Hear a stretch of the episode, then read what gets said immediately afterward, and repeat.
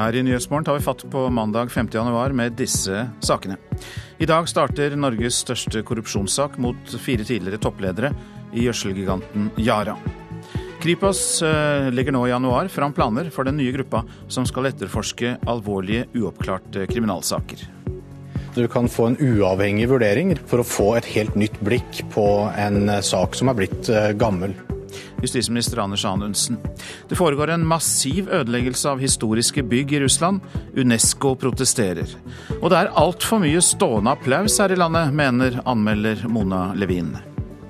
Så bør, syns jeg, den stående applausen, stående ovasjoner som dette, forbeholdes de eh, eksepsjonelle forestillingene eller konsertene.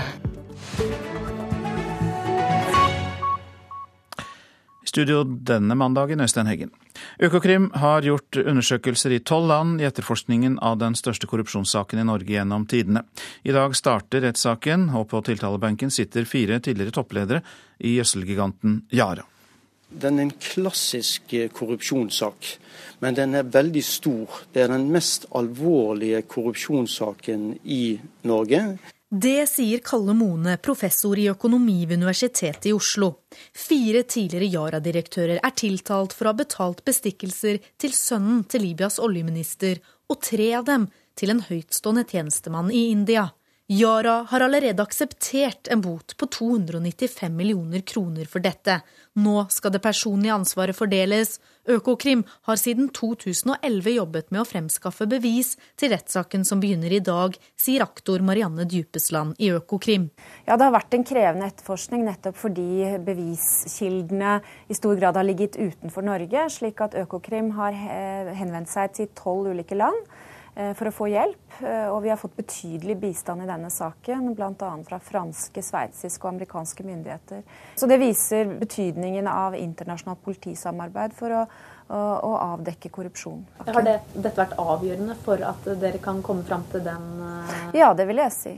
Tolv uker er satt av til rettssaken der de fire tidligere Yara-direktørene Torleif Enger, Daniel Clauk, Kendrick Wallace og Thor Holba skal overbevise retten om at de personlig ikke kan klandres for korrupsjonen.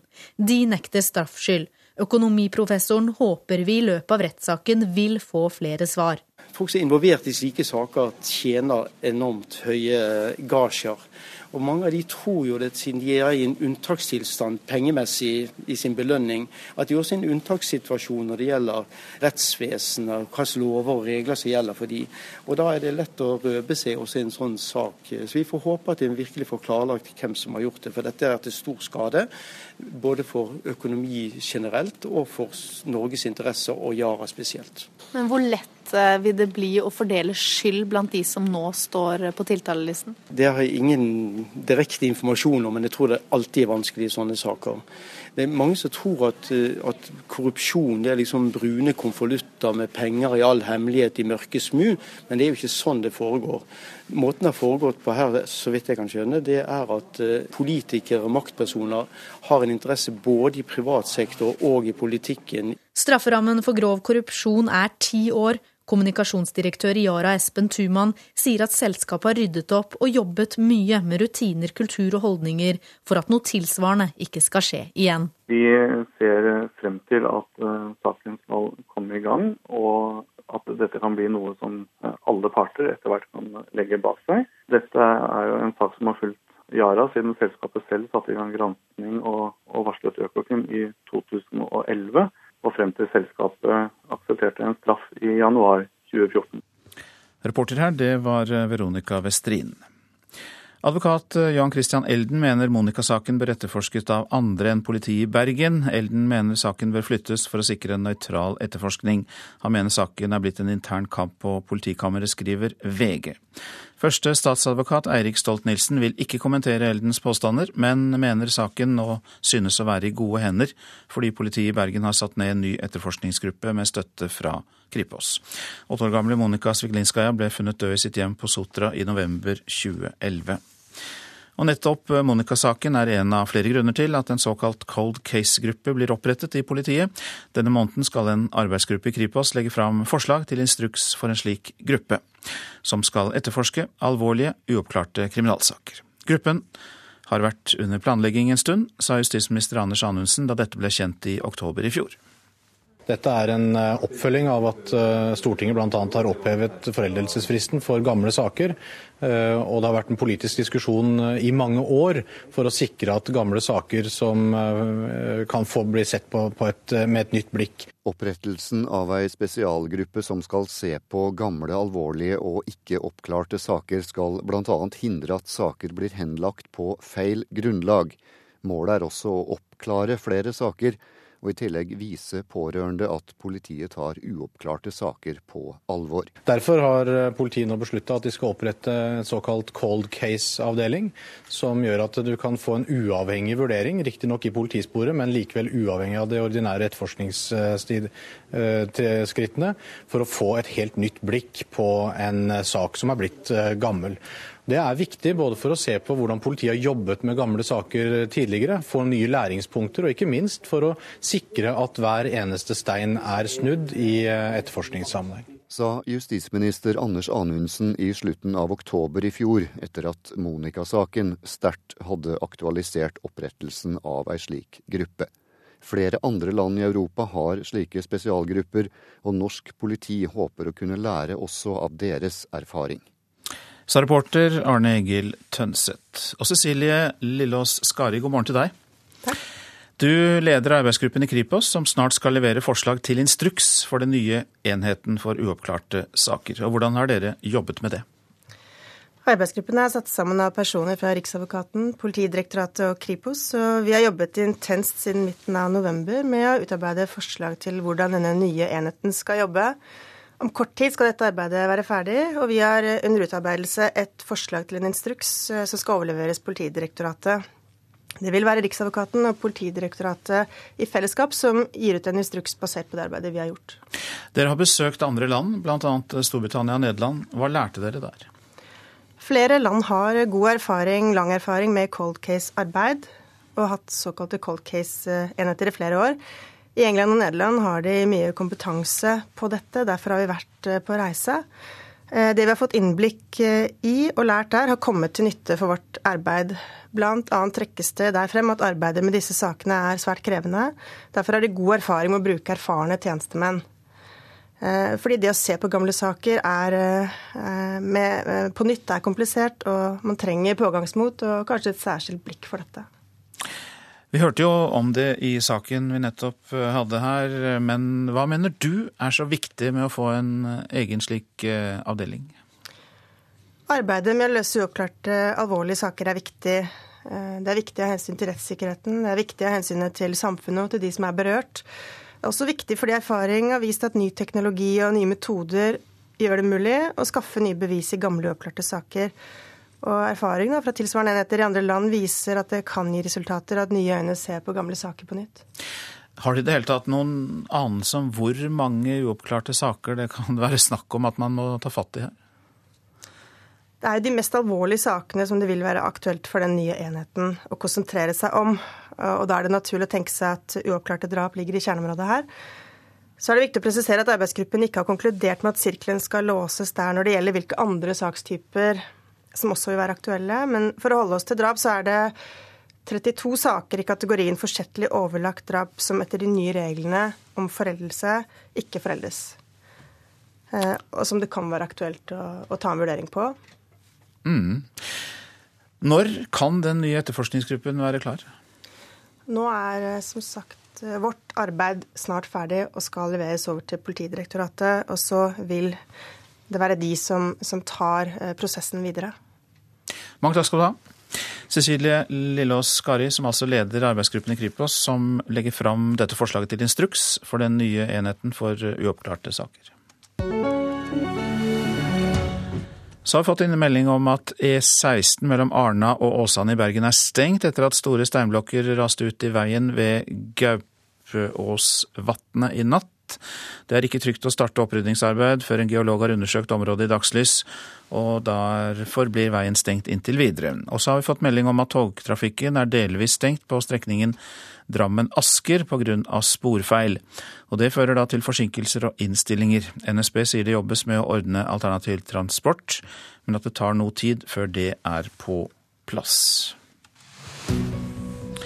Avisene nå. Statens kostråd gjør folk syke, sier indremedisiner Erik Hekseberg til Dagbladet. Han vil ha mer naturlig mat med færre karbohydrater, og fett er ikke nødvendigvis farlig. Helsedirektoratet avviser at deres råd er sykdomsfremkallende. Selger eiendom og hamstrer aksjer. Dagens Næringsliv forteller om bilimportør Egil Stenshagen, som kjører i motsatt retning av andre investorer og øker satsingen i aksjemarkedet. For å få god pensjon sparer vi for lite, for seint og med for lav risiko, ifølge VG og Dine Penger. Nedbetaling av gjeld og sparing i aksjefond er noen av ekspertenes råd. To av tre vil betale mer skatt for å sikre velferden, er oppslaget i Klassekampen. Meningsmålingen er gjort av arbeidstakerorganisasjonen Unio. Funksjonshemmede møter stengte dører på jobbmarkedet, skriver Vårt Land. Andelen har gått ned de siste årene. Årsaken er at de ikke lenger får så mye støtte til utdanning gjennom yrkesrettet attføring. Godt at Landsvik-arkivet nå er åpnet for alle, sier etterkommere av nazister til Dagsavisen. Dermed unngår vi den nådeløse kommersialiseringen fra journalister eller forskere, sier forfatter Ida Jackson, som selv er en av disse etterkommerne. Noen har trykket på av-knappen. Kort tid etter Aftenpostens avsløringer av mobilspionasjen i Oslo er det meste av overvåkningen av Stortinget, regjeringsbygninger og finansmiljøer slått av. Næringslivet i Hordaland ser mørkt på det nye året, skriver Bergens Tidende, men for Storm Geo, som leverer tjenester til olje- og gassindustrien, har kontinuerlig omstilling vært løsningen. Reiselivet tror på et nytt gullår, kan vi lese i Nasjonen. En av tre bedrifter tror på bedre tider. Men små reiselivsbedrifter må bli bedre på nett og ansette ungdom med webteft, sier NHO Reiseliv. Ny turistrekord i Tromsø i fjor, skriver Nordlys. Nordlyssesongen, altså ikke avisa sin, men selveste Nordlyset, har strukket seg, og Tromsø er et av de beste stedene å besøke. Det sier sjef for Visit Tromsø, Trond Øverås.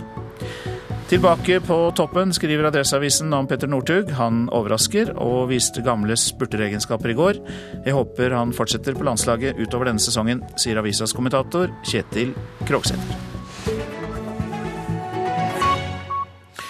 I går var det en skyting i utkanten av byen Donetsk øst i Ukraina. Minst tre mennesker ble alvorlig skadd. Ifølge lokale innbyggere var det separatistene som startet skytingen, mens regjeringsstyrkene besvarte ilden. I dag skal representanter for Russland, Ukraina, Tyskland og Frankrike møtes i Berlin i et forsøk på å finne en vei ut av den snart ett år lange konflikten i Ukraina. Korrespondent i Moskva, Morten Jentoft, du er med oss. Hva slags håp er det om at disse forhandlingene kan føre til noen fredsløsning? Ja, Den tyske utenriksministeren Frank-Walter Steinmeier han sa i helgen til den tyske avisen Welt am Sonntag at han ser en ny mulighet for uh, fred i Ukraina nå. Rett og slett fordi at dette tvinger seg fram. Fordi at Europa og verden nå står overfor en enorm humanitær katastrofe for de millioner av innbyggerne som bor i uh, Øst-Ukraina. Sånn at uh, de de samtalene som skal skje i Berlin i dag, de er en del av en prosess som er på gang nå. Steinmeier snakket med sine kollegaer fra Russland, Ukraina og Frankrike også før helgen. Og eh, ifølge både russiske og tyske medier så er det meningen at det skal være et utenriksministertoppmøte, eh, kanskje allerede på onsdag, men eh, trolig i løpet av uken om Ukraina. Og dette skal da igjen legge grunnen for et toppmøte mellom eh, Russlands president eh, Vladimir Putin og den ukrainske presidenten Petro Porosjenko i Astana, hovedstaden i Kasakhstan, 15.1. Sånn at her skjer det ting på den diplomatiske fronten. Det er jo også kommet meldinger i nyttårshelgen om kamper opprørerne imellom. Fortell mer om det. Ja, eh, det er eh, også så interessant. Her må vi støtte oss på ukrainske eh, kilder, eh, bl.a. avisen Ukrainskaja Pravda.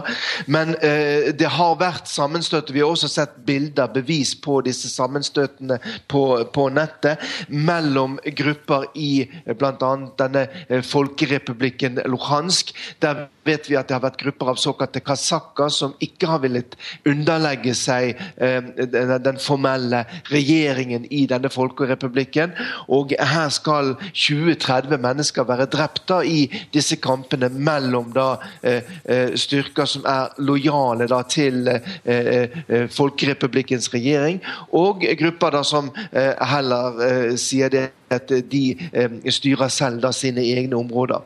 Og Ifølge ukrainske kilder så skal også russiske spesialstyrker være involvert i disse kampene for å forsøke å rydde opp i det maktkaos, maktvakuum som er i dette området akkurat nå.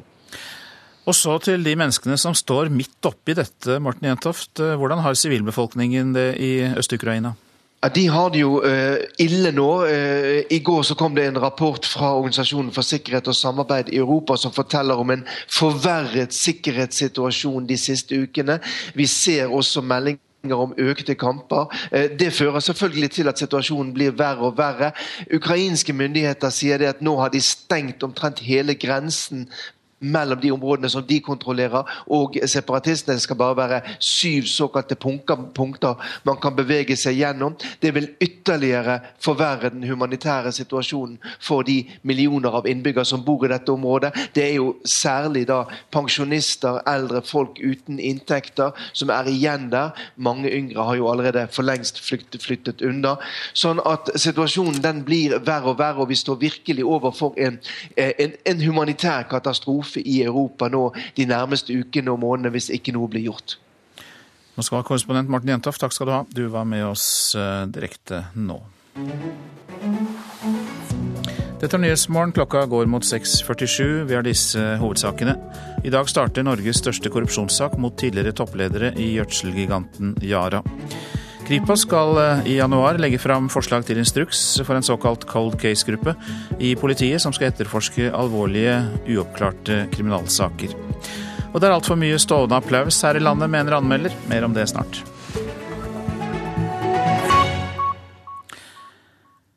Men først om Marit Bjørgen, som hylles av trenere, lagvenninner og eksperter etter det som blir beskrevet som et av hennes beste løp noensinne. Hun gjennomførte jo en maktdemonstrasjon og parkerte all motstand på jaktstarten i Tour de Ski i går. Det er jo på høgde med det som har gjort på det beste, det vil jeg absolutt si. Landslagstrener Egil Kristiansen er sjeldent imponert over Bjørgen. Det vi sammenligne litt med det som vi gjorde i Kollen i fjor, og da gikk vi også fantastisk bra på ski. og det da seiler hun i veien og går godt på ski, og da ser vi at de andre har problemer med å følge. Bjørgen gikk i mål hele 56 sekunder foran Heidi Weng på andreplass, med Therese Johaug like bak. NRKs eksperter Torgeir Bjørn og Carl Henning Gran hyller langrennsdronningen. Dette må være en av hennes aller beste løp noensinne. Hun gikk veldig godt teknisk på ski, disponerte det perfekt. Jeg så egentlig ikke noen eh, feilskjær i det hele tatt. At det føyer seg inn i rekken av eh, mange veldig gode løp Marit har gjort, det er ingen tvil om. Det er en kjempesolid prestasjon. Også lagvenninnene bøyer seg i støvet, blant dem Ingvild Flugstad Østberg. Ja, det var jo helt rått, da. Hun er, hun er der alltid og imponerer, uh, imponerer, hver gang. Så det er all ære til Marit. Så det, det skal bli gøy uh, framover. Selv vurderer Marit Bjørgen utklassingen i Oberstdorf slik. Det beste klassesløpet jeg har gjort i år. Jeg tror jeg gikk bra teknisk og hadde roa og kunne gå avslappa og lett på ski. Og da bruker man ikke så mye krefter heller. Reporter her, Geir Elle. Og sprinten i Tour de Ski den er i morgen klokka 13.15. Har du tid til å høre på radio da, så er NRK P1 og NRK Sport på DAB en eh, mulighet. Australske brannmenn kjemper for å få kontroll over en større skogbrann før kraftig vind og en varslet hetebølge kan gjøre slukningsarbeidet vanskeligere. Delstaten South Australia opplever nå den verste tørken på 30 år. Allerede er flere titalls boliger tatt av flammene, og fortsatt står mange boliger i fare. Dykkere fra den indonesiske marinen benyttet seg av stillere sjø i morgentimene til å gjenoppta letingen etter vraket av det savnede Air Asia-flyet i Javasjøen. Fortsatt er det ikke fanget opp signaler fra de svarte boksene. Flere enn 34 døde er hittil funnet i området der flyet ble borte. Det forsvant for åtte dager siden med 162 mennesker om bord. Britisk politis vakthold over Wikileaks-grunnleggeren Julian Assange i den ekvadorianske ambassaden i London har så langt kostet nesten 100 millioner kroner. Assange søkte tilflukt i ambassaden for å unngå å bli utlevert til Sverige, hvor han mistenkes for å ha begått seksuelle overgrep mot to kvinner. I to og et halvt år har Julian Assange hatt politisk asyl i Ecuadors ambassade, et steinkast fra luksusvarehuset Harrods i Vest-London. Men det er ikke bare vareutvalget der som koster. Det gjør også vaktholdet av ham. Britene anerkjenner nemlig ikke hans asyl. De ønsker å utlevere ham til Sverige, hvor han skal avhøres om påstander om seksuelle overgrep. Politiet står derfor til enhver tid klare til å pågripe ham på utsiden. Scotland Yard har nå bekreftet overfor nettstedet Mail Online at regningen så langt er på 9 millioner pund, eller nærmere 100 millioner kroner. Nok, sier baronesse Jenny Jones, som representerer De grønne i Londons lovgivende forsamling. We reached that point of enough is enough some time ago. We need now a diplomatic solution. It's not a policing problem. Nå må det finnes en diplomatisk løsning, sier hun. I am leaving the embassy soon. I august proklamerte mannen, som har vært med på å spre millioner av hemmeligstemplede dokumenter, at han snart skulle forlate ambassaden. Det har ikke skjedd, og regningen fortsetter å øke. Støttespillerne har lenge ment at politioppbudet er overdrevet. Det kan fort flere mene når de ser regningen. Espen Aas, London. NHO-direktør Kristin Skogen Lund mener at antall kommuner bør kuttes fra 428 til 100. Hun mener det viktigste er å skape robuste by, bykommuner. Til Dagbladet sier hun at NHO krever at Stortinget sørger for et nytt kommunekart innen 2017, og organisasjonen har laget forslag til nye storkommuner rundt de store byene. Disse storkommunene har 60% av landets befolkning. I Oslo-regionen f.eks. For foreslår NHO at 23 kommuner blir fem, mens organisasjonen foreslår at 18 kommuner rundt Ålesund blir én. Stående applaus på så å si alle konserter og teaterforestillinger er en uting, sier Aftenpostens anmelder Mona Levin. Stående ovasjoner er ekstra heder fra et svært begeistret publikum, men i Norge har dette blitt regelen snarere enn unntaket, sier Levin. Artist, sanger og så klart komponist. Her. Kjære, ja, ja, ja, kjære gjester, kjære publikum, vil dere høre en skrøne? Skuespiller Eindride Eidsvoll i rollen som Per Gynt på Nationaltheatret. Siden premieren i august har han rukket å bli bortskjemt med stående applaus. Det har vel ikke vært mer enn én gang det ikke har vært det, tror jeg, sånn cirka. Så 99,9% Helt generelt vil jeg si at jeg syns det er en uting. Det sier Aftenpostens mangeårige teaterkritiker Mona Levin. Men samtidig er det en litt sånn dobbelthet i det, for folk må jo få lov å gi uttrykk for sin begeistring. Men når de reiser seg opp med en gang og brøler og alt dette her, så for det første får jo ikke den applausen noe sted å gå. Og for det andre så bør, syns jeg, den stående applausen, stående ovasjoner som det heter, forbeholdes de um, eksepsjonelle forestillingene eller konsertene. Men slik er det ikke lenger, mener Levin.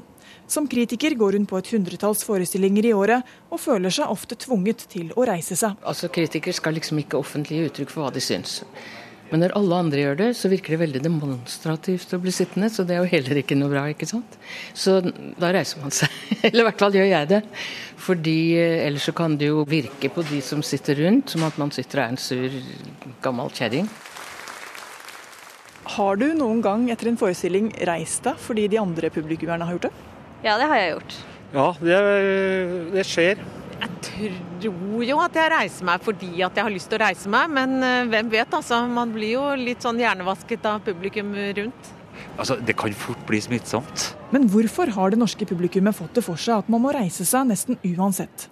I andre land, som Tyskland og Italia, kan skuespillere og musikere like gjerne bli buet på som å få applaus. Mona Levin tror vi nordmenn er litt redde for å skille oss ut. Ja, vi er vel det. Så er vi kanskje litt usikre. Er det så dårlig som jeg tror? Når, når de andre gjør det, så vil de ikke uh, fortsette å sitte. I gangene på Nationaltheatret varmer Reindride Eidsvoll opp til kveldens Per Gynt-forestilling. Jeg er meg selv i ett og alt, men nå, så vidt jeg forstår, det gjelder å være seg selv så å si foruten. Tre og en halv time senere skal han motta publikums respons, og han har ingenting imot at salen spretter opp. Jeg tar det veldig personlig. Så jeg syns det er veldig hyggelig. Jeg tror alle vi syns det. Vi, ta, vi tenker at uh, dette var da jævla hyggelig. Så vi tar det til inntekt for at det er bra, da. Blir du litt skuffa i kveld hvis de ikke reiser seg? Um, ja. Skuespiller Eindride Eidsvoll til reporter Une Marvik Hagen. Det foregår en massiv ødeleggelse av historiske bygg i Russland, noe som har fått Unesco til å protestere. Med støtte fra Norge har den russiske kulturaktivisten Stanislav Dmitrevskij berget mange verneverdige bygg. Og det har han fått hjelp til ved hjelp av husokkupasjon og 15 turer i fengsel уничтожен был именно в последние 7-8 лет, благодаря вот этому вот уничтожению массовому. Stanislav Dmitrievskij var nylig i Norge og hos den norske Helsingforskomité i Oslo. Helsingforskomiteen samarbeider med han og støtter han økonomisk. I Norge så kan det holde med en telefon til Riksantikvaren for å få verne et hus, men i Russland kan det kreve både rettssaker og okkupasjon og fengsel.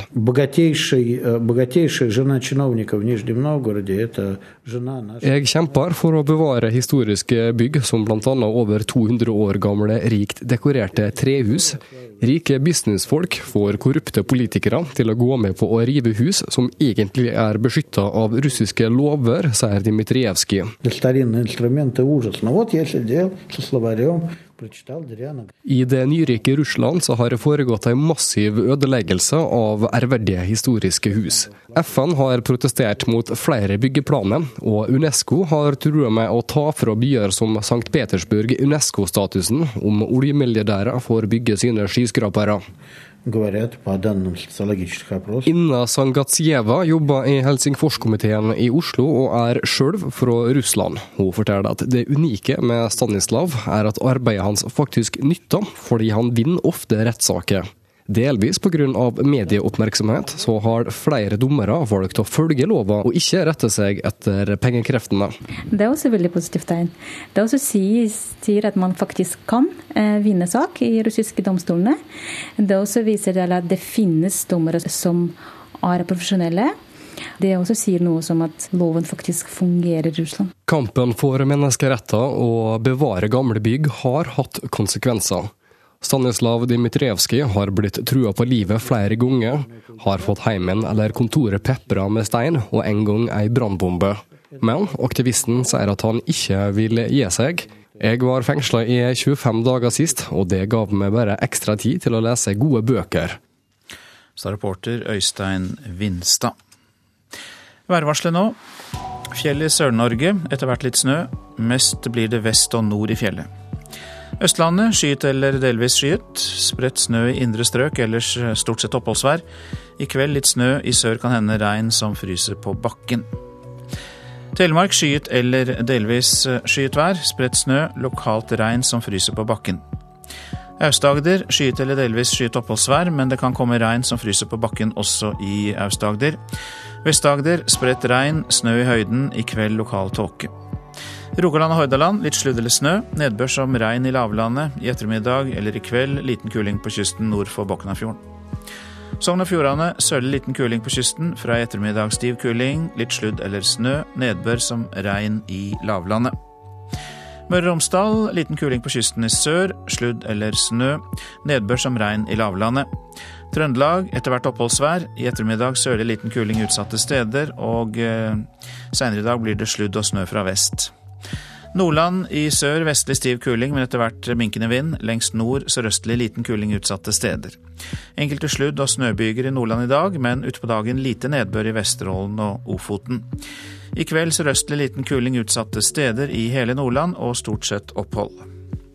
Troms sørøstlig stiv kuling utsatte steder, ellers stort sett pent. Finnmark i ytre strøk, i vest sørøstlig liten kuling.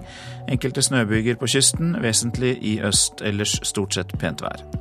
Og Nordensjøland på Spitsbergen får litt snø i dag. Temperaturer målt klokka fire. Svalbard lufthavn minus åtte. Kirkenes minus to. Vardø minus fire. Alta minus ti. Tromsø-Langnes minus tre. Bodø pluss fire. Brønnøysund tre. Trondheim én. Molde to. Bergen én. Stavanger fire. Kristiansand-Kjevik null. Gardermoen minus fem. Lillehammer minus ti. Røros minus to, og det var det også i Oslo. Oslo-Blindern minus to grader da klokka var fire i natt.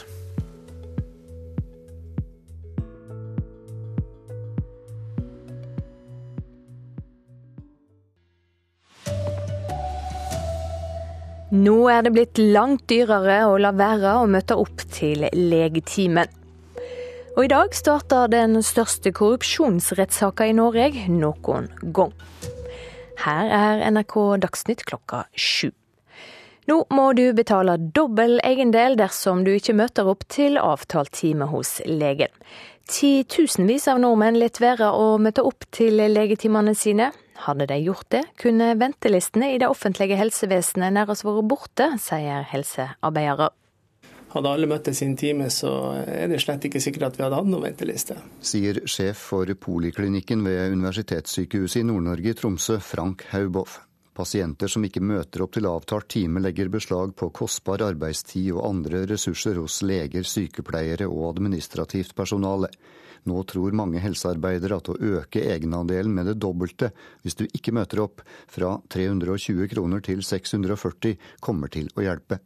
Jeg tror at det vil hjelpe. Vi har jo en del pasienter som, som ikke dukker opp det ene og to og tre ganger. Jeg tror nok ikke det vil skje hvis du får en regning på 640 kroner. Det er jo et betydelig høyere beløp når du dobler det. Reporter Arne Egil Tønseth. Økokrim har gjort undersøkelser i tolv land i etterforskninga av det som er den største norske korrupsjonssaka noen gang. I dag starter rettssaka, og på tiltalebenken sitter fire tidligere toppledere i gjødselgiganten Yara.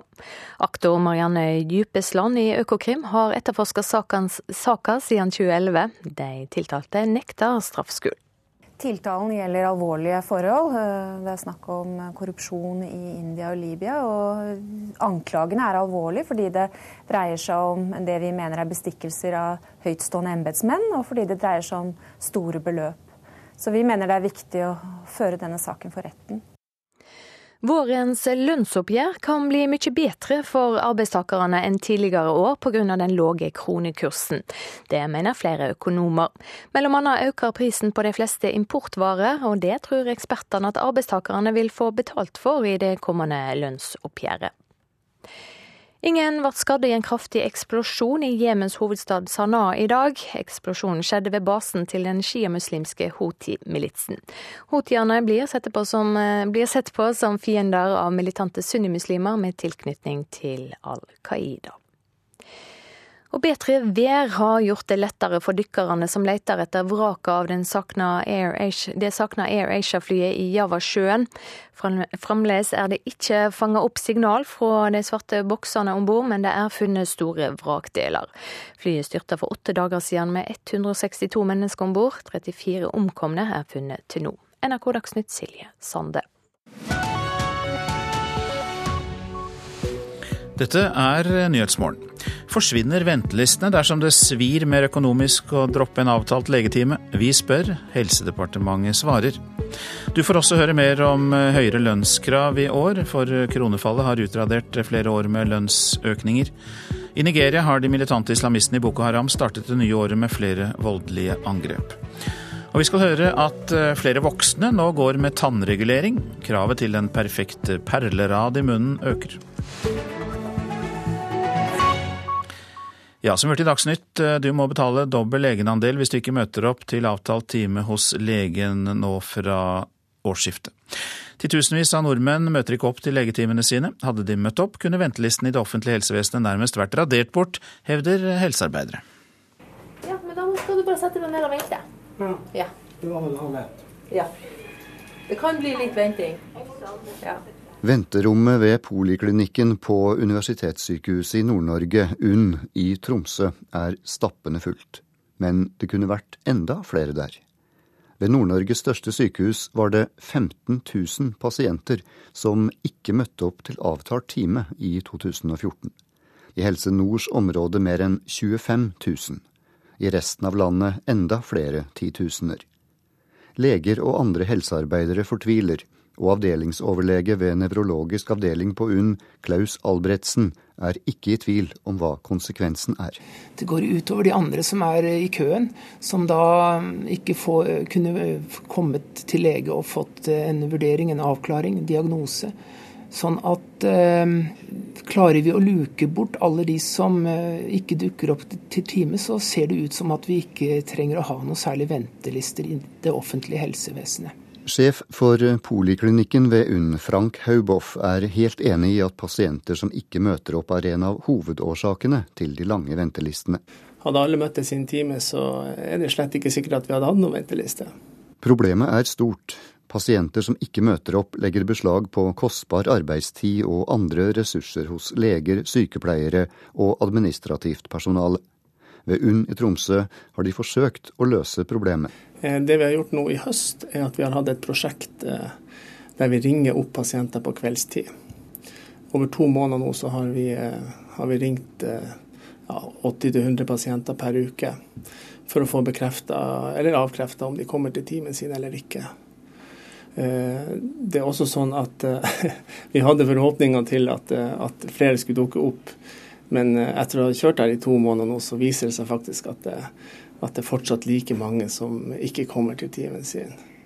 Det er også sånn at en, en, del av de som sa de skulle komme når vi ringte dem, de, de dukka ikke opp likevel. Nå tror mange helsearbeidere at å øke egenandelen med det dobbelte hvis du ikke møter opp, fra 320 kroner til 640, kommer til å hjelpe. Jeg tror at det vil hjelpe. Vi har jo en del pasienter som, som ikke dukker opp både én og to og tre ganger. Jeg tror nok ikke det vil skje hvis du får en regning på 640 kroner. Det er jo et betydelig høyere beløp når du dobler det. For noen så vil det hjelpe. Jeg tror nok at noen vil bli mer samvittighetsfulle, at de har mer huskelapper og sånn, og anstrenger seg for å huske timen. De som gir blanke, de må finne seg i å betale eh, det. Og de som har blitt, vært uheldige og blitt akutt syke og ikke fått varslet eller har en annen god grunn, de ringer jo da eh, og gjør rede for det, så vil ikke vi være strenge. Den reportasjen var laget av Arne Egil Tønseth. Og Så setter vi over til eh, vårt studio i Fredrikstad. Der sitter du, statssekretær Anne Grete Erlandsen. God morgen. God morgen. Du er i Helse- og omsorgsdepartementet. Er det slik som vi hørte legene ved Universitetssykehuset i Nord-Norge si at ventelistene hadde vært borte hvis folk hadde møtt opp til avtalt legetime? Det er eh, faktisk sånn at eh, i Helse Vest, altså alle sykehusene på Vestlandet, så har de analysert og funnet ut at hvis alle som eh, har time, hadde kommet, så hadde det vært det samme antallet som de da hadde fått på plass som venter. Ehm, nå syns jeg det er viktig å understreke at dette her er et komplisert område. Ehm, dette med å øke gebyr for å få folk til å møte fram er ett element av flere vi bruker for å få redusert ventelistene. Men dere øker altså egenandelen med det dobbelte for dem som ikke møter opp. og Tror du det vil ha nærmest en øyeblikkelig virkning? Jeg tror at det vil eh, i hvert fall ha en effekt eh, Jeg vil anta det vil ha en effekt sånn eh, umiddelbart her og nå, og så får vi se om den effekten vil holde seg over tid. Vi vet jo at vi venner oss til ting, men jeg tror det er viktig at vi setter fokus på de store ressursene som, som, faktisk går til spille, og som om ikke du tok timen, en annen kunne ha brukt på en bedre måte. Hva kommer det av dette her? Er det fordi vi eh, er eh, velfødde folk i et velstandsland som bare bestiller legetime og gir fullstendig blanke i møte?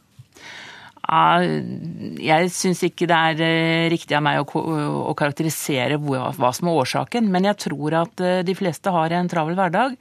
Og sånn som jeg skal til tannlegen i ettermiddag, og jeg har fått SMS eh, fra tannlegen, og jeg hadde husket å gå allikevel, men eh, det kan være greit med en del sånne ting som vi også gjør, som jeg vet sykehusene gjør i stor stil, både å sende SMS-er eh, og bruke e-post, og dette legger vi til rette for kan gjøres på en bedre måte nå enn før.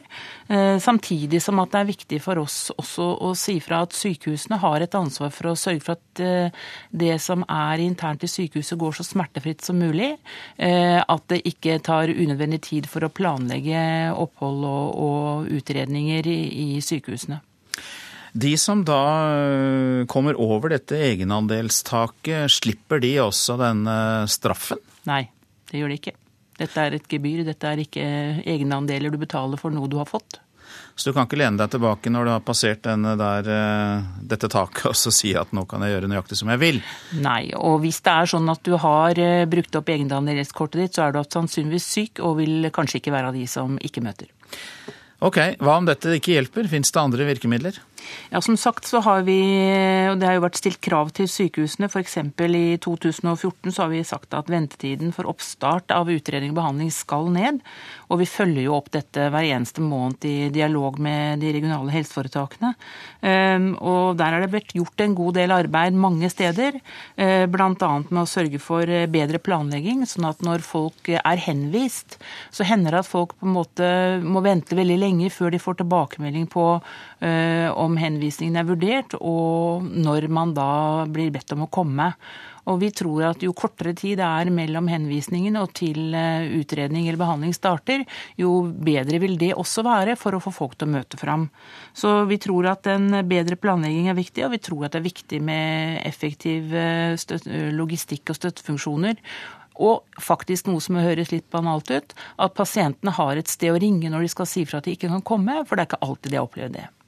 Takk skal du ha, statssekretær i Helse- og omsorgsdepartementet Anne Grete Erlandsen. Og så legger vi altså til at dette straffegebyret for ikke å møte opp til legetimen er nå på 640 kroner. Flere års lønnsvekst er utradert med den kraftige kronesvekkelsen. Økonomer tror derfor at kronefallet vil føre til krav om en markant økning i lønningene i år. Fagbevegelsen vil følge med på kronas verdi når lønnskravene snart skal utformes. The Norwegian kroner is still down after the country's central bank. We can certainly see the Norwegian kroner weakening. We are very concerned about the Norwegian kroner. Den stadige kronesvekkelsen omtales gjerne som noe negativt i utenlandske medier. Men i mange norske bedrifter er det kronejubel, påpeker sjeføkonom Harald Magnus Andreassen i Svedbank.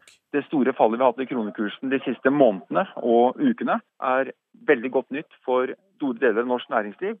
Og nå har vi i løpet av de siste par årene eh, tatt bort omtrent ti års ekstra norsk lønnsvekst. Selv om ti års lønnsvekst neppe er utradert i alle bransjer, tjener mange norske bedrifter nå mye på at deres varer er blitt langt billigere i utlandet.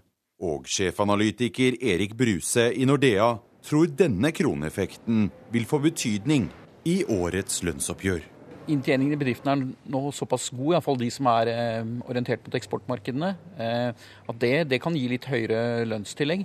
Vi skal også huske at prisstigningen vil bli høyere som følge av dette. og det Normalt vil da arbeidstakerne kreve mer i lønn for å få samme reallønnsutvikling. Og Unio-leder Anders Folkestad glemmer ikke kronefallet når han skal forberede lønnsoppgjøret for 320 000 medlemmer. Den svake krona og den lågere renta skaper jo et eh, nytt landskap eh, framfor eh, tariffoppgjøret. Men det er litt for tidlig å si hvordan det vil slå inn. Men for oss vil det jo uansett være sånn at iallfall deler av næringslivet her vil jo kunne oppleve en bedre konkurransesituasjon. Og slik sett så kan det være med på å ja, legge et annerledes grunnlag for tariffoppgjørene enn vi har hatt de siste åra. Og selv om LOs nestleder Hans Christian Gabrielsen ikke vil ta lønnskravene på forskudd, blir krona viktig også for ham. Det blir et, eh, blir et, spennende år. Eh, det mest direkte er jo, av denne endringen er at den trekker opp prisstigningen og, sånn sett blir relevant for å sikre kjøpekraften mer enn før hvor prisstigningen har vært eh, relativt sett lav. Men også her må vi vurdere varigheten av det som skjer da, ikke sant. Men nettopp dyrere importvarer vil bety mye i lønnsoppgjøret, sier Bruse i Nordea Market. Prisveksten kommer til å bli høy framover, og høyere enn vi trodde. Hvis arbeidstakerne da vil kreve samme reallønnsutvikling, så, så, må de jo kreve høyere lønnstillegg for å, for å, oppnå samme utvikling i kjøpekraften. I så fall så kan konkurranseevneproblemene bli like store, eller til og med større. Reporter var Sindre Heirdal. Vi har forsømt å forske på høyreekstreme på samme måte som vi har forsket på andre ekstremister, sier terrorforsker Thomas Hegghammer. Det har han sagt en stund, men i går annonserte regjeringen at den vil opprette et senter for forskning på høyreekstreme som en del av arbeidet etter 22.07-angrepene. Endelig, sier Hegghammer. Det å få et sånt her eh, senter er veldig, veldig gode nyheter. Det har vært veldig vanskelig å få forskningsmidler til å studere høyreekstremisme i Norge i årene etter 22. juli. Sier Thomas Hegghammer ved Forsvarets forskningsinstitutt. I høst var han redd for at hele forskningsmiljøet på høyreekstremisme skulle dø. Han tror at slik forskning kan gjøre det lettere for tryggingstjenestene å prioritere mellom ulike typer ekstremisme. Det er flere som har etterlyst mer kunnskap etter 22. juli-hendingene. Mitt inntrykk er jo at det også har vært stor interesse blant studenter og i befolkninga for øvrig etter kunnskap om ja, hva som førte til 22. juli, og om det kan, noe sånt kan skje igjen. Nå får han det som han mener vil være det aller beste tiltaket, nemlig et forskningssenter. Kunnskap skal være vårt fremste våpen mot hat, vold og ekstremisme. Derfor vil vi i tillegg til informasjonssenter styrke forskningen på høyreekstremisme. Vi vil opprette et 22. juli-senter også for forskning på høyreekstremisme. Sa Erna Solberg i går. Hegghammer har råd til Forskningsrådet, som nå skal i gang med å utvikle senteret. Trenger, et sånt senter trenger ikke å ha mer enn eh, tre, fire, fem personer for å være et eh, ganske tungt senter i, i internasjonal og europeisk eh, sammenheng. Reporter her, Julia Loge. Klokka er snart 7.16. Dette er hovedsaker i Nyhetsmorgen. Nå fra nyttår må du betale dobbel egenandel hvis du ikke møter opp til avtalt time hos legen. 640 kroner er straffegebyret nå. Det kan bli krav om lønnstillegg neste år, tror økonomer, for kronefallet har utradert flere år med lønnsøkninger. Og I dag starter Norges største korrupsjonssak mot fire tidligere toppledere i gjødselgiganten Yara.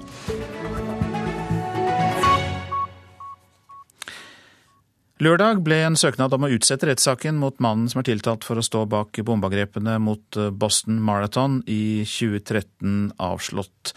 Og Dermed så starter arbeidet med å velge ut eh, jurymedlemmer, og dette arbeidet starter i dag.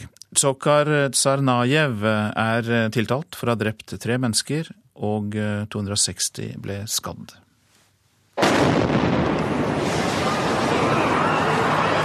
Hjemmelagde bomber fulle av spiker drepte tre mennesker og invalidiserte langt flere da de gikk av i målområdet under Boston Marathon i april 2013. Overvåkingskameraer hadde fanget opp de tsjetsjenske brødrene Jakar og Tamerlan Tsarnajev da de plasserte ryggsekker med bombene, og eldstemann Tamerlan ble skutt og drept i politijakten som fulgte. Jakar gjemte seg noen dager i en båt før også han ble innhentet av politiet. Tiltalen inneholder 30 punkter, hvorav 17 kan straffes med døden. Rettssaken føres av føderale myndigheter, ikke av staten Massachusetts, som har avskaffet bruk av dødsstraff.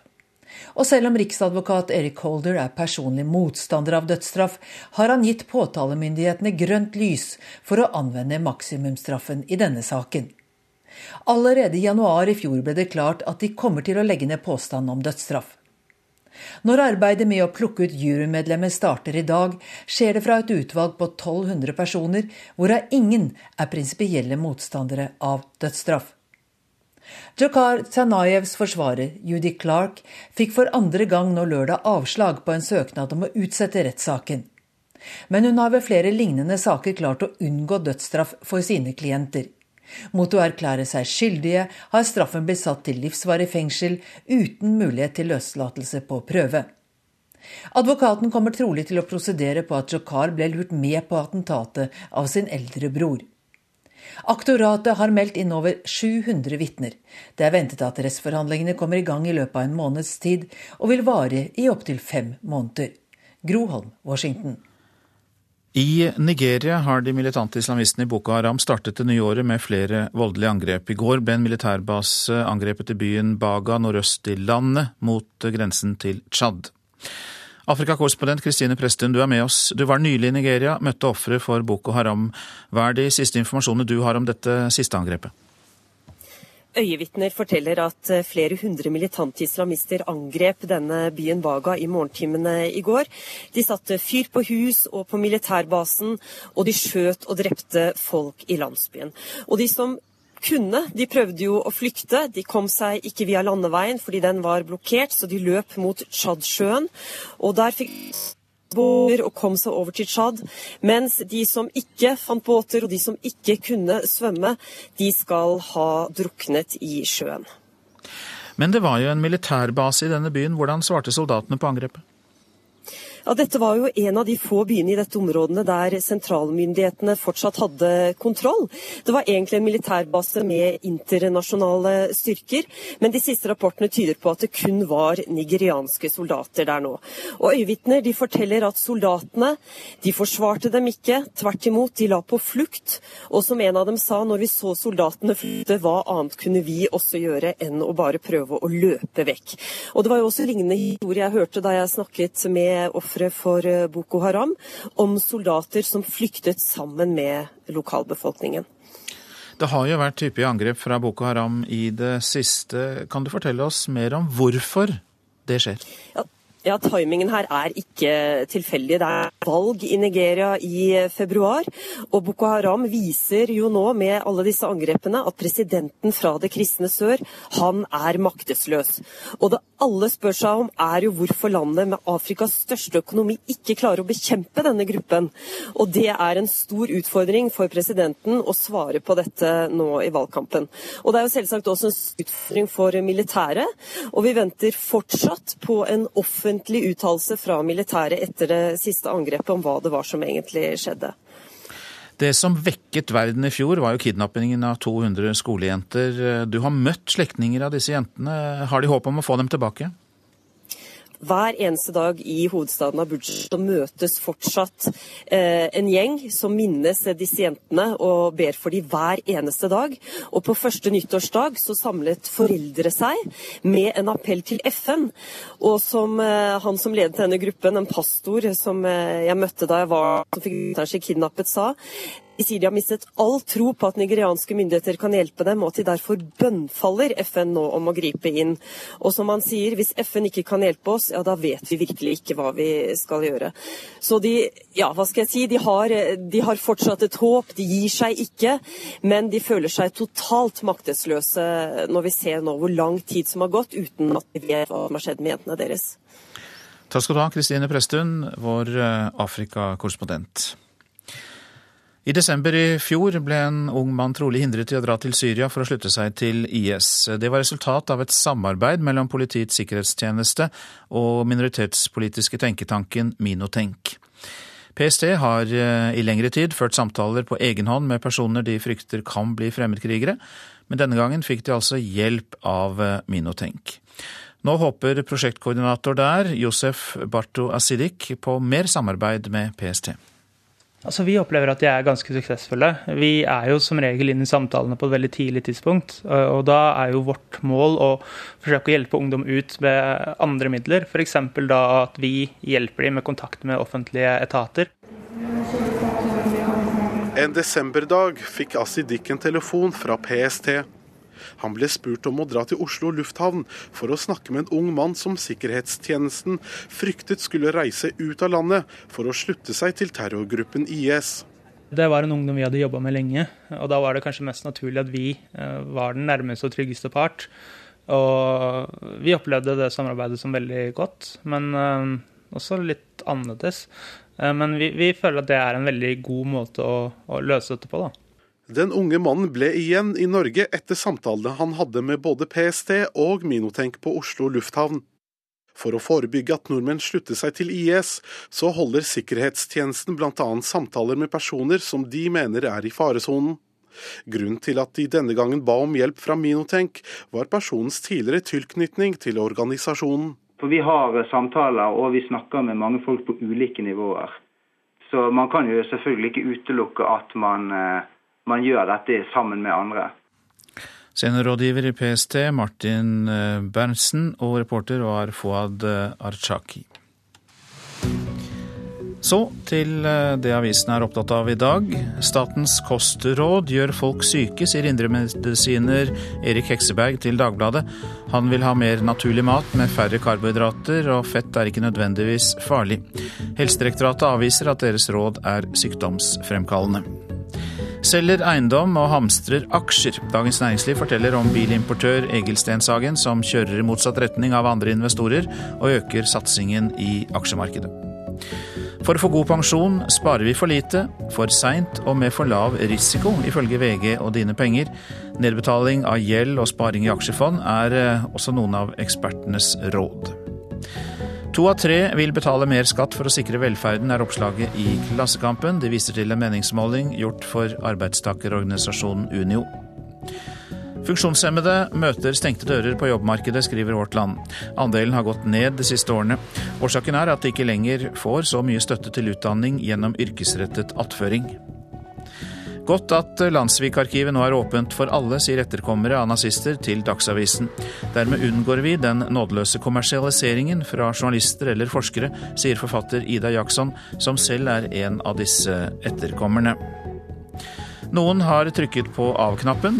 Kort tid etter Aftenpostens avsløringer av mobilspionasjen i Oslo, så er det meste av overvåkningen av Stortinget, regjeringsbygningen og finansmiljøet slått av, skriver avisa. Næringslivet i Hordaland ser mørkt på det nye året, skriver Bergens Tidende, men for Storm Geo, som leverer tjenester til olje- og gassindustrien, har kontinuerlig omstilling vært løsningen.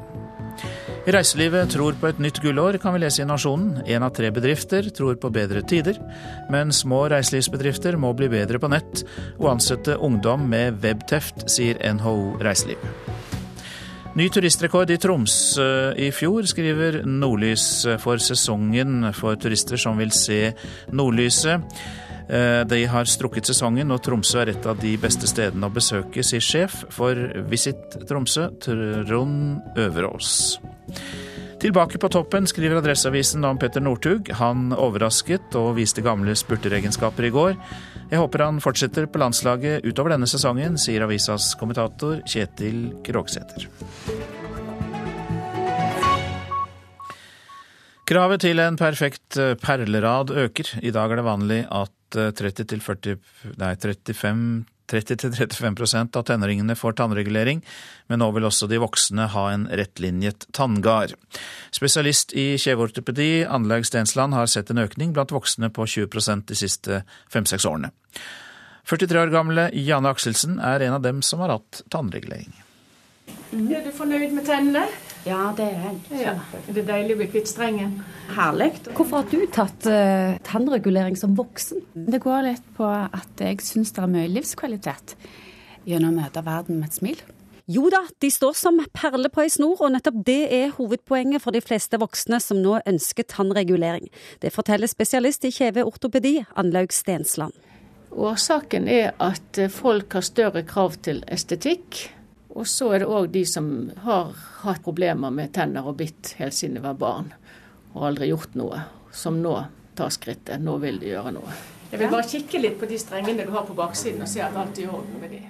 Janne Akselsen har endelig fått fjerna reguleringen etter to og et halvt år.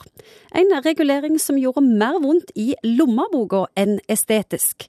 For når de voksne blar opp dobbel pris, som fort kan bli 60 000 kroner, ja da får de tannreguleringen på baksida. Jeg hadde ikke lyst til å gå så mange år med disse her eh, togskinnene på, på tennene. Så, men så sjekket jeg det opp igjen da jeg var 39, eh, via en bekjente. Eh, og han sa at han visste om en metode som kunne hjelpe meg, og det var på baksida av tennene.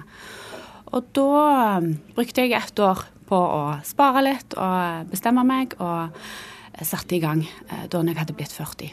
Det er jo klart det at En av årsakene til at voksne ikke vil ha streng, er de har ikke lyst til at det skal vise. Men nå har jeg mye finere apparatur.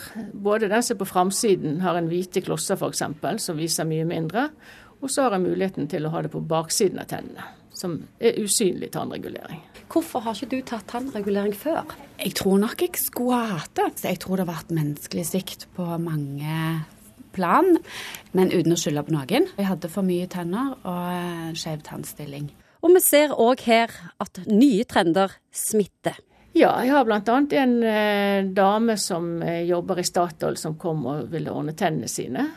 Og like etterpå så har de tre nye konsultasjoner, og alle jobbet på samme kontor. Så det er en smitteeffekt. Hvor lenge tror du dette kommer til å fortsette å øke? At voksne har tannregulering? Så lenge folk har eh, god råd, så vil det sannsynligvis øke. Det ser så flott ut at du har all grunn til å være fornøyd med dette. Ja,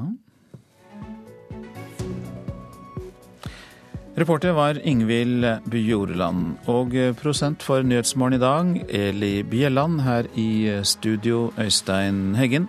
Og følger samferdselsministeren opp statsministerens eh, det hun sa om klima i nyttårstalen? Det er et av spørsmålene i Politisk kvarter.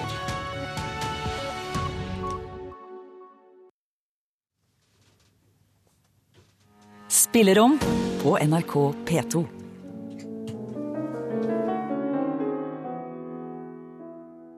Hun elsket å komponere, men sangene hennes havna i en skuff. Et bortskjemt, vakkert og begava troll er hun blitt kalt. Hør starten av historien om Alma Mahler, en sommerfugl på vift.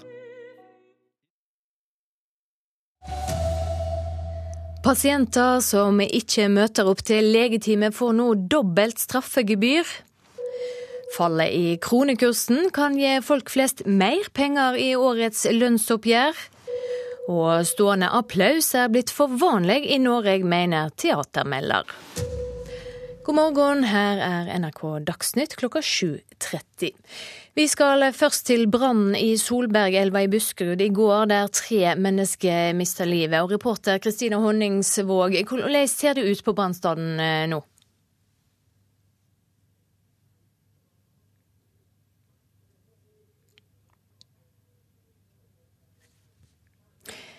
Ja, kan uh, si at det er uh, totalskadd. Uh, vannskader. Og vi har jobba hardt og brukt motorsager åpna opp for å komme til hulrom. Hvor brannspredning har vært så å si hele tida. Så det er store skader da. Hva skal dere gjøre nå utover natten? Nei, Vi fortsetter arbeidet med slokking. ha kontroll så det ikke blir noe spredning. Eh, og slokke det helt ned. Da. Så det blir mest å holde kontrollen over natta og ta de små grepa som må tas for å holde kontrollen her. Ja, Da skal vi over til deg, eh, reporter Kristina Honningsvåg. Hvordan ser det ut på brannstaden eh, nå? Det viser naturlig nok tydelig preg av å være en brannnatt. Det lukter fortsatt veldig brent på stedet, både brent plastikk og brent tre. Eh, dette er et rekkehus med fire leiligheter i bredden og to i høyden. og eh, Alle de øverste leilighetene er eh, svarte i toppen. Spesielt én av leilighetene der denne brannen startet, er, der er vinduer sprengt. Det er trerester som, er, som ligger utover her. Det står fortsatt en stige opp til flere av vinduene. Og det er tydelige spor etter en stor brann i går kveld. Takk skal du ha, Kristina Honningsvåg. Fra nå av må du betale dobbel eiendel dersom du ikke møter opp til avtalt time hos legen. Ordninga ble innført ved nyttår fordi titusenvis av nordmenn ikke møter opp til legetimene sine. Hadde de møtt opp, kunne ventelistene i det offentlige helsevesenet nærmest vært borte, tror helsearbeidere. Ja, men da skal du bare sette deg ned og vente. Ja. ja. Det var vel halv ett. Ja. Venterommet ved poliklinikken på Universitetssykehuset i Nord-Norge, UNN i Tromsø, er stappfullt. Men det kunne vært enda flere der. Ved Nord-Norges største sykehus var det 15 000 pasienter som ikke møtte opp til avtalt time i 2014. I resten av landet mange titusener. Leger og andre helsearbeidere fortviler, og avdelingsoverlege ved nevrologisk avdeling på UNN, Klaus Albretsen, er ikke i tvil om hva konsekvensen er. Det går utover de andre som er i køen, som da ikke får, kunne kommet til lege og fått en vurdering, en avklaring, en diagnose. Sånn at eh, klarer vi å luke bort alle de som eh, ikke dukker opp til time, så ser det ut som at vi ikke trenger å ha noe særlig ventelister i det offentlige helsevesenet. Hadde alle møtt til sin time, så er det slett ikke sikkert at vi hadde hatt noen venteliste. Sier sjef for poliklinikken ved UNN, Frank Hauboff. Pasienter som ikke møter opp, legger beslag på kostbar arbeidstid og andre ressurser hos leger, sykepleiere og administrativt personale. Nå tror mange helsearbeidere at å øke egenandelen med det dobbelte hvis du ikke møter opp, fra 320 kroner til 640, kommer til å hjelpe. Jeg tror at det vil hjelpe. Vi har jo en del pasienter som, som ikke dukker opp både én og to og tre ganger. Jeg tror nok ikke det vil skje hvis du får en regning på 640 kroner. Det er jo et betydelig høyere beløp når du dobler det. Reporter Arne Egil Tønseth. Økonomer tror fallet i kronekursen vil føre til et bedre lønnsoppgjør for arbeidstakerne. Sjeføkonom Harald Magnus Andreassen i Swedbank sier kronefallet betyr mye for lønnsnivået. Og nå har vi i løpet av de siste par årene eh, tatt bort omtrent ti års ekstra norsk lønnsvekst. Selv om ti års lønnsvekst neppe er utradert i alle bransjer, tjener mange norske bedrifter nå mye på at deres varer er blitt langt billigere i utlandet. Og sjefanalytiker Erik Bruse i Nordea tror denne kroneeffekten vil få betydning i årets lønnsoppgjør. Inntjeningen i bedriftene er nå såpass god, iallfall de som er eh, orientert mot eksportmarkedene, at det, det, kan gi litt høyere lønnstillegg. Vi skal også huske at prisstigningen vil bli høyere som følge av dette. og det Normalt vil da arbeidstakerne kreve mer i lønn for å få samme reallønnsutvikling. Og Unio-leder Anders Folkestad glemmer ikke kronefallet når han skal forberede lønnsoppgjøret for 320 000 medlemmer. Både den svake krona og den lave renta skaper jo et eh, nytt landskap eh, framfor eh, tariffoppgjøret. Og selv om LOs nestleder Hans Christian Gabrielsen ikke vil ta lønnskravene på forskudd, blir krona viktig også for ham. Det blir et, blir et spennende år. Det mest direkte jo, av denne endringen er at den trekker opp prisstigningen og sånn sett blir relevant for å sikre kjøpekraften mer enn før, hvor prisstigningen har vært relativt sett lav. Reporter Sindre Heierdal. Økokrim har gjort undersøkelser i tolv land i etterforskninga av den største korrupsjonssaka i Norge gjennom tidene. I dag starter rettssaka, og på tiltalebenken sitter fire tidligere toppledere i gjødselgiganten Yara. Det er den mest alvorlige korrupsjonssaken i Norge.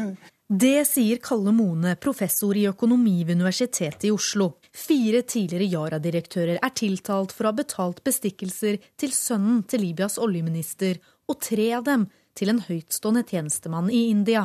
Yara har allerede akseptert en bot på 295 millioner kroner for dette. Nå skal det personlige ansvaret fordeles, Økokrim har siden 2011 jobbet med å fremskaffe bevis til rettssaken som begynner i dag, sier aktor Marianne Djupesland i Økokrim. Ja, Det har vært en krevende etterforskning nettopp fordi beviskildene i stor grad har ligget utenfor Norge. Tolv uker er satt av til rettssaken, der de fire tidligere Yara-direktørene Torleif Enger, Daniel Claw, Kendrick Wallace og Tor Holba skal overbevise retten om at de personlig ikke kan klandres. Folk som er involvert i slike saker, tjener enormt høye høye gasjer. Og mange av de tror jo det siden de er i en unntakstilstand pengemessig i sin belønning, at de også er i en unntakssituasjon når det gjelder eh, rettsvesenet, hvilke lover og regler som gjelder for de. Og da er det lett å røpe seg også i en sånn sak. Så vi får håpe at en virkelig får klarlagt hvem som har gjort det. For dette er til stor skade. Både for økonomi generelt og for Norges interesser, og Yara spesielt. Reporter Veronica Westrin. Politiet i Storbritannia bruker store summer på å stå vakt utenfor Ecuadors ambassade i London pga. Julian Assange. Grunnleggeren av varslernettstedet Wikileaks har søkt tilflukt i ambassaden for å unngå å bli utlevert til Sverige, der han er mistenkt for seksuelle overgrep mot to kvinner. Britisk politi har så langt brukt nesten 100 millioner kroner på å stå klar til å pågripe Assange dersom han forlet ambassaden. I to og et halvt år har Julian Assange hatt politisk asyl i Ecuadors ambassade, et steinkast fra luksusvarehuset Harrods i Vest-London. Men det er ikke bare vareutvalget der som koster. Det gjør også vaktholdet av ham. Britene anerkjenner nemlig ikke hans asyl. De ønsker å utlevere ham til Sverige, hvor han skal avhøres om påstander om seksuelle overgrep. Politiet står derfor til enhver tid klare til å pågripe ham på utsiden. Scotland Yard har nå bekreftet overfor nettstedet Mail Online at regningen så langt er på 9 millioner pund, eller nærmere 100 millioner kroner. Nok, sier baronesse Jenny Jones, som representerer De grønne i Londons lovgivende forsamling. We reached that point of enough is enough some time ago. We need now a diplomatic solution. It's not a policing problem. Nå må det finnes en diplomatisk løsning, sier hun. Espen Aas, London.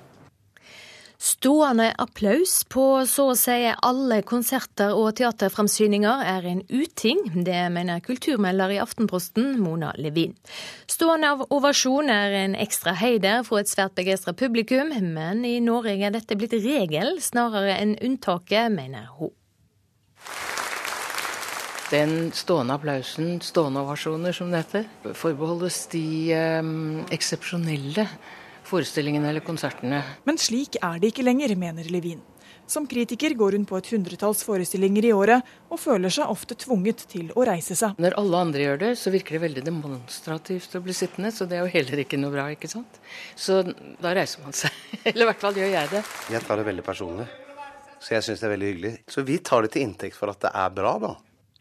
Ja, Det sa skuespiller Endride Eidsvoll til slutt til reporter Une Morvik Hagen. Ansvarlig for eh, denne sendinga Arild Svalbjørg, teknisk ansvarlig Lars Tronsmoen. Her i studio Silje Sande.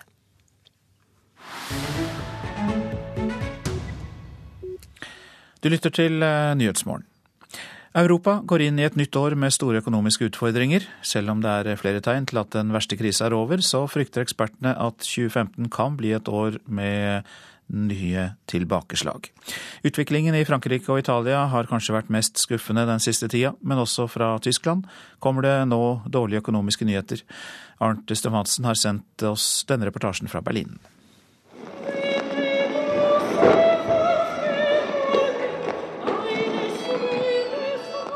Rundt en million mennesker feirer nyttår ved Berlins berømte landemerke Brandenburger Tor.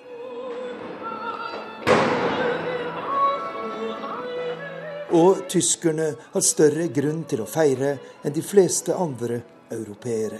Økonomien går bedre, og arbeidsledigheten er lavere enn ellers i det fortsatt kriserammede Europa. Forbundskansler Angela Merkel kunne gjøre opp et solid regnskap for året som gikk, i sin TV-tale til nasjonen på nyttårsaften. Wenn die Zahl der Menschen, die Arbeit haben, so hoch ist wie noch nie.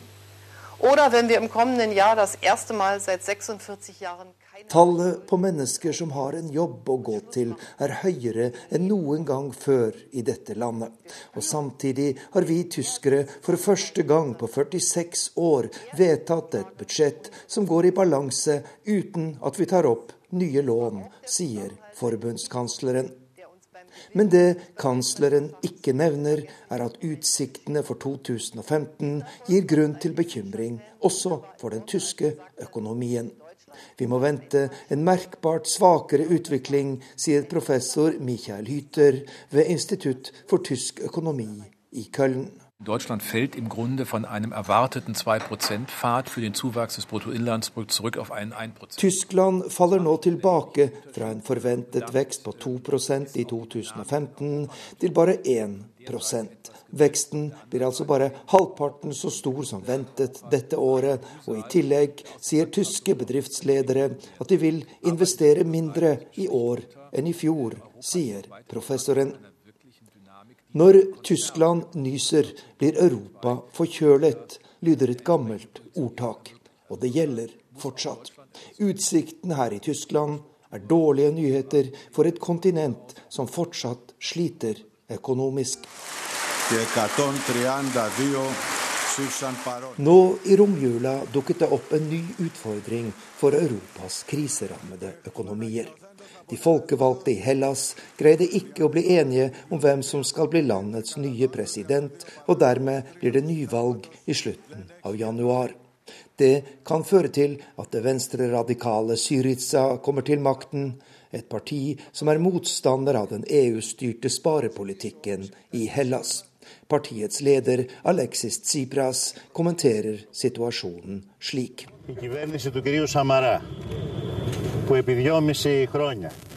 Regjeringen til statsminister Samaras, som har plyndret folk de siste to årene, og som nå har vedtatt nye sparetiltak, tilhører fortiden. Med folkets hjelp vil vi sørge for at slike sparetiltak også tilhører fortiden. Fremtiden har nettopp startet. Vær optimistiske og glade, sier den greske opposisjonslederen til sine velgere. Men ledere over hele Europa er bekymret over nyhetene fra Hellas, og de har problemer nok som det er. Dette er eh, hovedsaker i Nyhetsmorgen. Pasienter som ikke møter opp til legetime, får nå dobbelt straffegebyr på 640 kroner. Fallet i kronekursen kan føre til krav om mer penger i årets lønnsoppgjør, for kronefallet har utradert flere år med lønnsøkninger. I dag starter Norges største korrupsjonssak mot eh, fire tidligere toppledere i gjødselgiganten Yara. Har du tips eller kommentarer, så kan du sende en e-post til adressen 03030 krøllalfa nrk.no. Altså 03030 krøllalfa nrk.no. Om eh, få sekunder eh, får du Politisk kvarter. Programleder der, Bjørn Myklebust.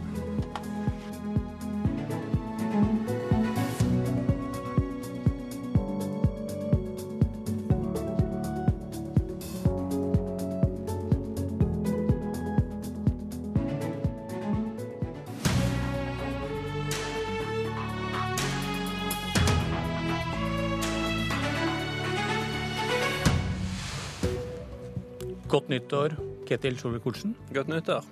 Hørte samferdselsministeren statsministerens nyttårstale? Det gjorde jeg. Hvordan bidrar du til å oppfylle det hun sa, norske utslipp skal også ned? Det gjør vi på mange måter. Jeg samarbeider veldig godt med både statsminister og klimaministeren på dette området her. Ja, hele regjeringen jobber godt sammen. Det er viktig at vi bygger infrastruktur i samfunnet som både knytter bo- og arbeidsregionene sammen, som styrker konkurranseevnen til næringslivet, og som gjør det på en miljøvennlig måte. Det betyr at vi må få pendlerreisen til å bli enklere. Det har vi gjort gjennom å satse mer på kollektiv, mer på jernbane. 14.12. så dobla vi antall avganger på Sørlandsbanen. Vi økte antall avganger på, rundt Østlandet, rundt Oslo kraftig. Vi forlenga pendelen på Trønderbanen. Det gjør at flere kan reise med tog, og få de til toget til å dekke hverdagsbehovene.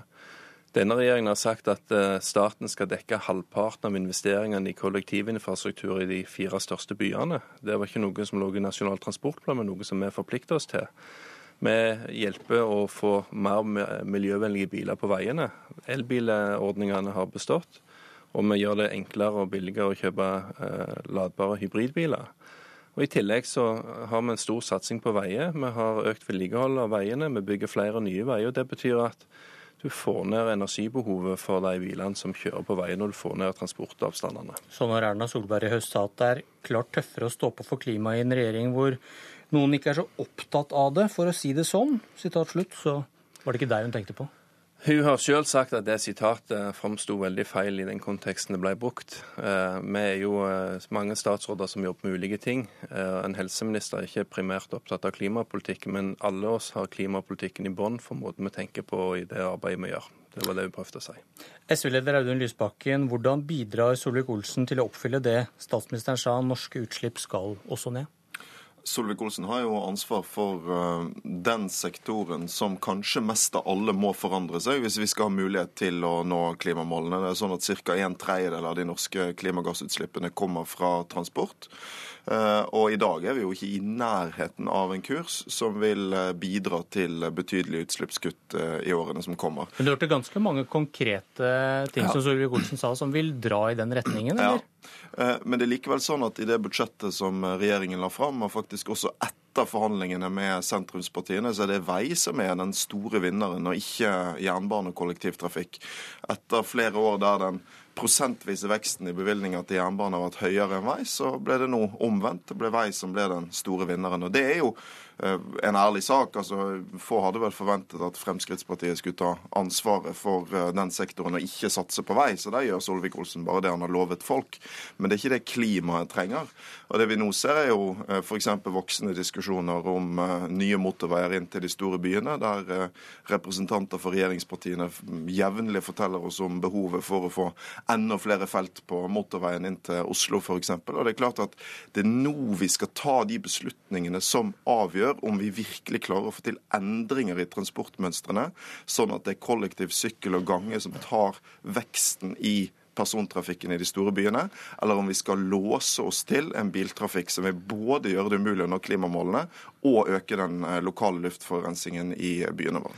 Den lokale luftforurensningen vil gå ned med regjeringens politikk, for vi får flere elbiler inn i byene og flere plug-in hybridbiler. Det er en mye mer fornuftig politikk enn å øke antall dieselbiler, sånn som var eh, forrige regjeringspolitikk. I tillegg så vil altså i 2015 eh, sykkelveisatsingen øke med godt over 30% sammenlignet med det budsjettet som de rød-grønne la fram til. Så det vil være lettere for astmatikere å bo i byene. Det vil være lettere for syklister å komme seg fram.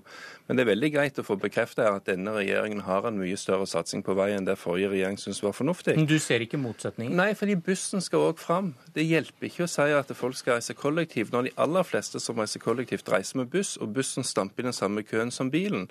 Det er viktig da at du får bedre veier som gir bedre fremkommelighet. Det er viktig at òg godstransporten som skal lokalt, får lov til å komme fram med å kjøre vanlig, effektivt tempo, enn å stå og stampe i kø. Det er ingenting som er mer miljøfiendtlig enn biler, og ikke minst lastebiler, som står i kø inn og ut av byene, inn og ut av tettstedene. Men samtidig er det ikke sånn at at satsing på vei gjør at vi ikke satser på jernbane. Ja, det er riktig at vi øker vedlikeholdet av veien med 66% sammenlignet med det budsjettet Lysbakken var med å la fram i fjor. Men vi øker òg vedlikeholdet av jernbanen med nesten 60 Det er altså en kraftig vekst på begge deler.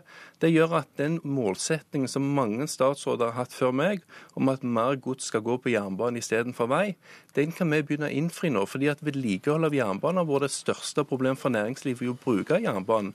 Det nytter ikke å si at næringslivet skal transportere sine varer på jernbane når, jern, når toget ikke går. Og Det opplever de altfor mye. og Derfor har de selv valgt lastebil, selv om de ønsker jernbane. Vi gjør det mulig at jernbanen blir mer konkurransedyktig. Alle samferdselsministre har kunnet i mange år nå si at vi bruker mye mer penger på samferdsel. Og det, og, det, og det, er riktig. Eh, det som er interessant, er at Solvik-Olsen nå styrer på grunnlag av den rød-grønne transportplanen, som han i opposisjon mente var altfor beskjeden. Men, men, den viktige, men den viktige diskusjonen her, det er jo hvordan prioriterer vi? Eh, og nå er det altså sånn at Den prosentvise veksten på vei er høyere enn på bane. Det er en tydelig du hører han argumentere for at vei ja, men, også har en rolle ja, i dette? Det har det selvfølgelig, men det er likevel sånn at hvis du satser mer på vei enn på bane over tid, så øker det biltrafikken og ikke kollektivtrafikken. Og det vi ser er at regjeringen f.eks. somler når det gjelder de bymiljøavtalene som må på plass for å styrke kollektivtrafikken i de store byene. Det vi ser er at Kete Solvik-Olsen har kutt kuttet i bevilgningene til sykkelveier på riksvei etter sigende i Aftenposten i høst fordi det var for dyrt, mens motorvei ikke er for dyrt. Det vi trenger å få vite fra Solvik-Olsen, er jo f.eks. om han virkelig har tenkt å gå inn for eh, en ny sånn monstermotorvei inn eh, langs vestkorridoren til Oslo, som vil føre til betydelig økning i biltrafikken inn til hovedstaden, og gjøre det umulig å virkelig få ned klimagassutslippene i, eh, i hovedstadsregionen. For det første så ble jeg kritisert nå for at jeg bare følger følge opp en rød-grønn NTP, samtidig som han nå kritiserer meg for at jeg ikke prioriterer i tråd med det han sjøl mener vi skulle prioritert. Så det er en logisk brist i, i, i argumentasjonen her. For det første, når det gjelder eh, bevilgningene til jernbane, ja det er riktig det har vært en vekst hvert år. Men veksten til Jernbaneverket har vært på 50% etter vi overtok regjering. Altså på to budsjett så har veksten til Jernbaneverket vært på 50% Det er langt høyere enn de foregående åtte årene. Men det viktige her det er jo hvordan vi bruker pengene. Hva får vi tilbake? Vedlikeholdsetterslepet på jernbane økte med nesten 1 milliard kroner i året i de åtte årene Lysbakken styrte. I løpet av de to årene vi nå har styrt, eller de 13-14 månedene, så har vi snudd dette sånn at i 2015 vil vi begynne å redusere vedlikeholdsetterslepet. Vi har altså gått fra en jevn årlig vekst til at vi nå reduserer det. Det er det viktigste grepet for å få flere til å velge tog, både passasjerer og gods, fordi at folk vet at toget går når det skal. Folk er avhengig av forutsigbarhet i hverdagen sin. Det gjelder ikke minst næringslivet, men òg folk som jobber. fordi at Tidsklemma er en utfordring for mange. Folk skal rekke å hente på skole, hente i barnehage. Da kan du ikke leve med at toget ikke går ta deg hjem etter jobb når du skal.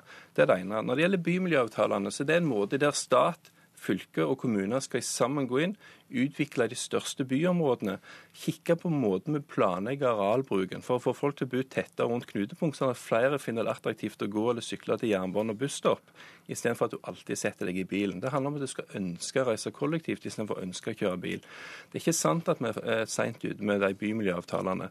Vi er i gang med å forhandle i alle de byene som skal være med i første runde, og der går forhandlingene veldig godt. Når det gjelder, når det gjelder sykkelstier, så er det riktig at jeg har påpekt at kostnaden per meter, når det koster 40 000 kroner mange steder å bygge en sykkelvei, så må vi se hvordan kan vi få ned kostnaden, sånn at vi får flere kilometer sykkelvei for pengene.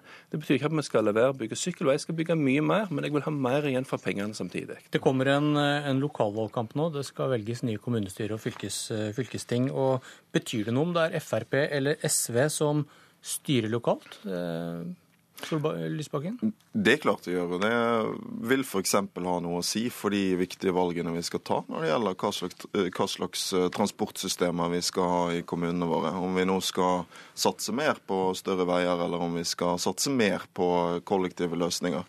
Og det vil ha noe å si for hva slags modell vi velger for velferden vår. Nå ser vi at det brer seg en privatiseringspolitikk i eldreomsorg og barnehager i kommuner der uh, høyresiden styrer. Det er negativt for uh, kvaliteten, tror vi. Det er negativt for uh, arbeidslivet.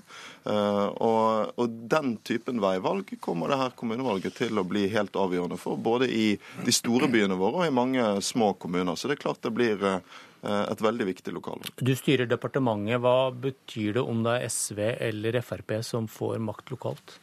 Det betyr jo noe i forhold til hva, slags løsninger en leter etter lokalt. Mange av de løsningene som gjelder når en utvikler byene sine, det er det jo lokalpolitikerne som står for.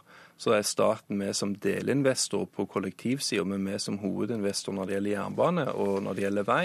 Men selvsagt, hvis du har eh, lokalpolitikere fra Fremskrittspartiet eller fra borgerlig side, så vil de mye større se sammenhengen mellom vei, jernbane, buss, T-bane enn f.eks. det Lysbakken her viser. Men samtidig er det også sånn at når, når vi ser på barnehageløftet, som ble initiert av SV og Fremskrittspartiet under Bondevik-regjeringen, men det kommer altså fra opposisjonspartiene SV og Frp, så er en del av den store suksessen på barnehageløftet vært at du har involvert private barnehager på en utmerket god måte. Så det at du har med private aktører til å levere tjenester både innenfor transportsektoren innenfor velferdstjenester, er jo noe òg SV har brukt som virkemiddel for å få suksess i barnehagesektoren. Så dette blir ikke en sånn enten-eller-politikk, det er en både-og-politikk. Jeg er veldig glad for at Lysbakken viser forskjellen her på at vei liksom er fælt i deres øyne, mens jernbane er veldig bra. Vi mener begge deler er bra, fordi at det, det supplerer hverandre. Det gir en sammenheng med hverandre, og det gir en fleksibilitet for både eh, pendlere som skal til fra jobb, og de eh, for, for, næringsliv som skal ha varene sine fram. Det er ingen som er mot vei, og mange steder i landet så er det vei vi trenger. Men det er først og fremst i distriktene. I de store byene så trenger vi nå en virkelig snuoperasjon. Eh, og det er testen på om vi tar klimapolitikken på alvor eller ikke. Erna Solberg sa nå at vi skal ha en ambisiøs klimapolitikk. Det viktigste Stortinget skal gjøre denne våren, det er å slå fast våre klimamål for 2030.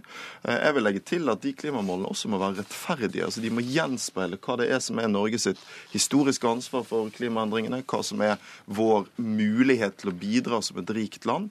Da vil de utslippsmålene måtte bli veldig høye, og det er veldig få år fram til 2030. 2030. Det er altså de store beslutningene vi tar nå, som avgjør om vi kommer til å ha noen som helst slags sjanse til å føre en rettferdig klimapolitikk i Norge. Og Da er det greit å ha en del gode tiltak, men du må ha en ordentlig snuoperasjon i politikken hvis du skal få det til. Og det er regjeringen ikke i nærheten av i dag. Men det er jo litt rart. Jeg vil bare spørre Solvik-Olsen. Det, det, det er billigere å kutte utslipp andre steder enn i Norge. Har klimamålene som eh, har, har mål for norske klimautslipp fotfeste i Frp? Man skal ta så og så mye her hjemme? Vi har sagt at vi skal bidra med å kutte hjemme, men det er helt riktig som du sier at det, det er mange tiltak globalt som vil være mye billigere enn å gjøre det i Norge, fordi at Norge har stort sett eh, fornybar energi i bånn. Mange andre land har kull. Det er mye enklere å kutte utslippene fra kullkraftverk enn å eh, kutte utslipp fra relativt avansert industri i Norge, som allerede har brukt mye penger på, på, tiltak. Samtidig så utvikles det hele veien ny teknologi som gjør at det som var dyrt å gjøre allerede for, for bare to-tre år siden, i dag kan framstå som relativt billig. Derfor er det viktig at vi har en dynamikk i klimapolitikken som gjør at vi etter hvert som teknologi utvikles, òg er aktive med å implementere den, altså ta den i bruk for å kutte utslipp. Og da er Det jo sånn at det er litt rart å få beskjed fra SV at nå er det viktig med en snuoperasjon etter han har styrt i åtte år. Jeg er enig i at du må ha en snuoperasjon, fordi at du må sørge for at vi kutter utslipp på en effektiv måte. Og Da er det jo bare å se på at den eh, virkemiddelbruken som vi har hatt, og som vi forsterker sammen med KrF og Venstre, gjør at utslippene fra bilparken vil gå ytterligere ned de neste årene. Det betyr at når vi tar i bruk lastebiler, så vil du få lavere utslipp der. Og når Vi bygger òg veier fordi at bussen skal fram. Og det er jo litt når du ser på situasjonen rundt byene i dag, så er altså det et faktum at alle byer som er relativt små i europeisk sammenheng, sammen med de største rushtidsproblemene, til tross for at norske byer er relativt små.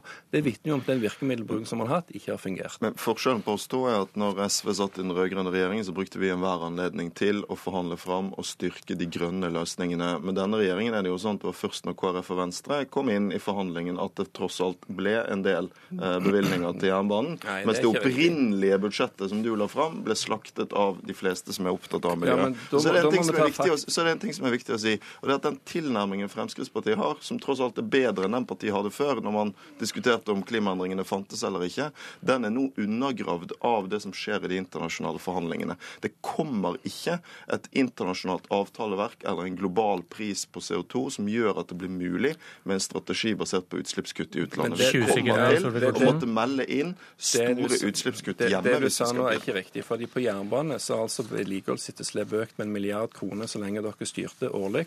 Med oss så la vi opp til en vekst på 0,2 milliarder kroner. Etter budsjettforhandlingene så er det jevna ut, sånn at vi får en reduksjon på 0,2. Men det er altså et kraftig vekst òg fra Høyre og Frp, selv før KrF og Venstre. Takk for at dere kom. Dette var Politisk kvarter.